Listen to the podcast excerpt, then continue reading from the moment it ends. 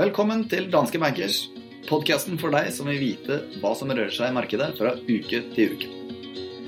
Mitt navn er Fredrik Ask Stensrud, og med meg som vanlig så har jeg vår sjefstrateg Christian Lie. Velkommen, Christian. Takk for det. Jeg skal som vanlig gå gjennom de viktigste sakene, eller vi skal gå gjennom de viktigste sakene for denne uken, og også da de viktigste sakene for neste uke. Men som vanlig så skal jeg først ta litt fakta, og i dag så skal jeg ta et eh, høyaktuelt tema, som er antibiotika. Eh, antibiotika, altså så, eh, Penicillin, da, som var den første antibiotikaen som ble oppdaget, ble oppdaget faktisk ved en tilfeldighet i 1928 av den skotske legen Alexander Flemming. Ganske funny historie hvordan det ble oppdaget, men det er ikke tid til å gå inn på her, så google det hvis dere vil vite det. Eh, antibiotika det virker bare mot bakterier, altså det fungerer ikke mot forkjølelse og influensa som er forårsaket av virus. Eh, og en undersøkelse som ble gjort av WHO, så viste det at faktisk 64% tror at antibiotika virker mot forkjølelse.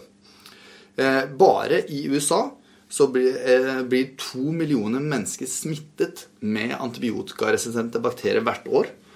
Og 23 000 av disse dør. På global basis så er det ca. 700 000 mennesker som dør. Og en nylig studie viser at innen kort tid eh, så vil eh, antibiotikaresistente bakterier faktisk kunne forårsake flere dødsfall årlig globalt enn kreft. Og anslått for 2018 så var det 9,6 millioner menneskeliv. Så litt, eh, litt deprimerende, men verdt å ha litt fokus på antibiotikaresistente bakterier. Og den beste måten vi gjør det på, er Christian, at vi går antibiotikakuren vår helt ut når vi får den. For hvis du ikke går den helt ut, det du gjør i prinsippet da, selv om symptomene for din sykdom blir borte, så vaksinerer du egentlig bakteriene hvis ikke du går kuren din ut. For da overlever bakteriene og er da resistente mot den antibiotikaen som du tok.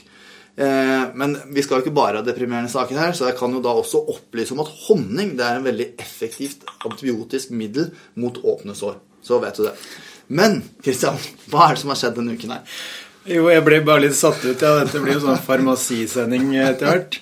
Eh, det som har skjedd, eh, det var jo at eh, like dårlig som desember var for aksjemarkedet, så ble januar en fantastisk måned på mange måter. Spesielt for amerikanske aksjer og de som da tilhører vekstmarkedene, emerging markets som det heter. Og for, for amerikanske aksjer så ble faktisk dette den beste januarmåneden siden 1987. Og det har jo vært flere drivere for optimismen gjennom januar, men vi har sett eh, lyspunkter i handelsforhandlingene. Vi har sett at eh, renten ikke skal like mye opp som det den amerikanske sentralbanken har signalisert eh, tidligere. Og det har også vært en eh, rekke sterke kvartalsrapporter fra, en av, fra, fra bl.a. de amerikanske selskapene, eksempelvis Apple og Facebook, som begge har blitt belønnet med solide kursoppganger. Eh, men det som kanskje var den viktigste driveren den uken her, for å ta det spesifikt, det har jo vært den amerikanske sentralbanken, som bare for seks uker siden var ganske sikre på at de kom til å heve styringsrenten to ganger til i 2019. Og det ville da bidra til at de hadde hevet renten elleve ganger siden desember 2015. Men noe har skjedd i løpet av disse seks ukene, fordi på det forrige rentemøtet ikke bare holdt de styringsrenten uendret, det var for så vidt forventet, men de inntok en såkalt duete holdning, som på fagspråket hjemme på Hamar betyr at man er ganske forsiktig, holder seg nær bakken, ikke som haukene og flyr høyt oppe.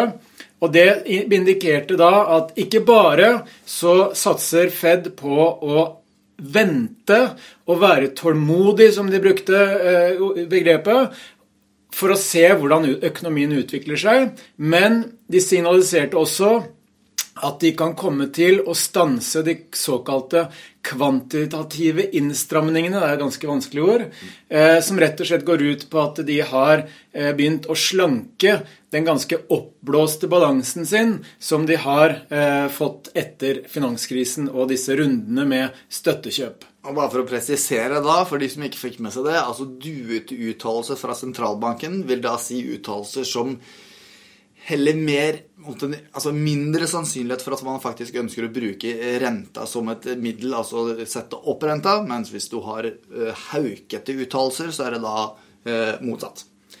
Helt riktig. Takk for det. Uh, det som er også ganske interessant, da, vi har jo vært innom det på, på poden her noen ganger tidligere, det er at den kursoppgangen som vi har fått gjennom januar, den har egentlig skjedd til tross for den utviklingen man ser i verdensøkonomien. Fordi bare den siste uken så har vi fått flere ganske skuffende økonomiske tall fra rundt omkring i hele verden. Kanskje ikke så mange fra USA, men i hovedsak det vi har sett i Europa, har vært på den veldig skuffende siden.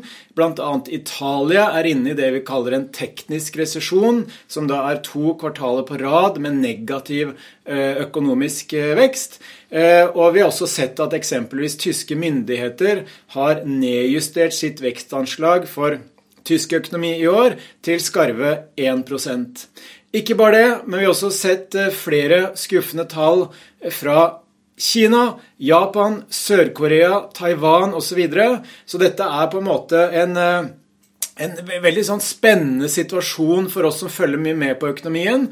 Fordi man er da litt redd for at dette skal bli svakere enn det man har eh, forventet tidligere. Og at det også etter hvert kan påvirke finansmarkedene. Men Vårt syn, grunnsyn for 2019, er at vi ikke skal få noen økonomisk krise av noe slag, men at ting vil stabilisere seg på rimelig ok nivåer. Og Da er det to ting spesifikt som kan bidra til det.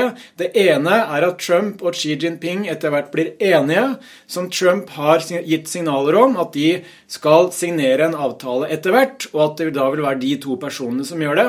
Xi Jinping er da den kinesiske presidenten, mens Donald Trump han er amerikansk president, Fredrik. Yes. Eh, I tillegg så tror vi at også kinesisk økonomi etter hvert vil begynne å stabilisere seg. I løpet av de siste tolv månedene så har kinesiske myndigheter gjennomført 60 ulike tiltak for å få stabilisering i økonomien. Og vi tror at gjennom andre kvartal i år så vil de tiltakene begynne å få en effekt. Og da kan vi potensielt få en sånn double whammy handelskrig løser seg, og kinesiske stimulanser begynner å virke. Og da kan det bli moro igjen. Ja, men Det er godt, for det her begynte å bli ganske deprimerende, den eh, sendingen her. Så hva er det i neste uke som skjer, som kan løfte markedet for oss? Ja, Det er ikke de helt eh, spennende tallene neste uke. De mest spennende tallene får vi egentlig i dag. For da får vi arbeidsmarkedsrapporten fra USA, som faktisk forventes å vise den hundrede måneden på rad med positiv sysselsettingsvekst i USA. Det kan jo være noe å feire i kveld. Eh, og vi får også denne ISM-indeksen, som er en såkalt PMI. Det vet jo lytterne våre alt om yes. etter en sending for et par uker siden. Eh, som også blir spennende. Vi tror den kommer til å falle litt videre, men fortsatt indikerer god fremgang i amerikansk eh, økonomi. Tirsdag så får vi ISM igjen, men denne gangen ikke for industrien, men for servicesektoren. Og torsdag så får vi nok en eh, pekepinn på hvor ille det står til i den tyske industrien, for da får vi tall for tysk industriproduksjon. Og her i eh, Danske Bankers-redaksjonen så er vi faktisk så opptatt av PMI-er at når vi forteller om at PMI-er skal komme neste uke, så forteller vi det to ganger. Yes, Jeg skal ta markedsbevegelser siste fem dager. Eh, og jeg skal også oppsummere da, de viktigste sakene for neste uke. Men før det så må vi til Aksjeolympiaden 2019. Eh, og det her går ikke rette veien for meg foreløpig. I forrige uke så gikk du short Dagsen, og jeg gikk short Brikk. Eh, min posisjon den beveget seg i riktig retning først, men eh, så løftet eh, indeksen seg tilbake, og jeg endte opp på 0% for uken. mens du fikk en positiv avkastning på din short-posisjon i Dagsen på 1,26% Og det vil si at etter uke fem så ligger du på positive 10,56% som jo må sies å være solid. Eh, mens jeg derimot ligger på skarve 0,7% som ikke er fullt så bra. Så på fotball- eller hockeyspråket kan man si at jeg leder 10-0? Du leder 10-0, det er det liten tvil om. Men året er langt, Christian. Så hva velger du å gjøre i neste uke? Eh, neste uke velger jeg å beholde min eh, short eh, dagsposisjon. Jeg tror at mye av den moroa som vi har fått fra den amerikanske sentralbanken, handelsforhandlinger, det begynner nå å bli prisa inn, og jeg tror vi er eh, ja, klare for en litt mer dårlig uke. Du leder jo den konkurransen her, men å lære seg reglene for den konkurransen her, det klarer du ikke. Du kan ikke beholde samme posisjon, så du må ta en annen. Du endrer reglene fra uke til uke. Ja, men det, det er lov til. Ja, ok. Da går jeg short uh, i SMP 500. Den er grei. Uh, jeg har også jeg, I utgangspunktet så burde jeg jo ta motsatt posisjon av deg et eller annet for å prøve å ta igjen eh, forspranget ditt. Men jeg er Jeg deler litt av din omfatning, så jeg, jeg, velger å gå short i Norge i håp om at jeg kan få litt mer schwung på det enn den uh, posisjonen du tar. Men takk skal du ha, Christian. Da tar jeg markedsbevegelser siste fem dager. OECBX ned en halv prosent. SMP 500 USA opp 2,3% Eurostox 600 eh, opp 0,7% og oljeprisen opp 1% De viktigste sakene som vi får i neste uke, det er for så vidt eh, arbeidsmarkedsrapporten som vi får fra USA i dag klokka halv tre. Så får vi ISM fra servicesektoren eh, klokka fire på tirsdag. Og på torsdag så får vi tysk industriproduksjon klokken åtte. Det var alt vi hadde i ukens danske bankers. Vi høres.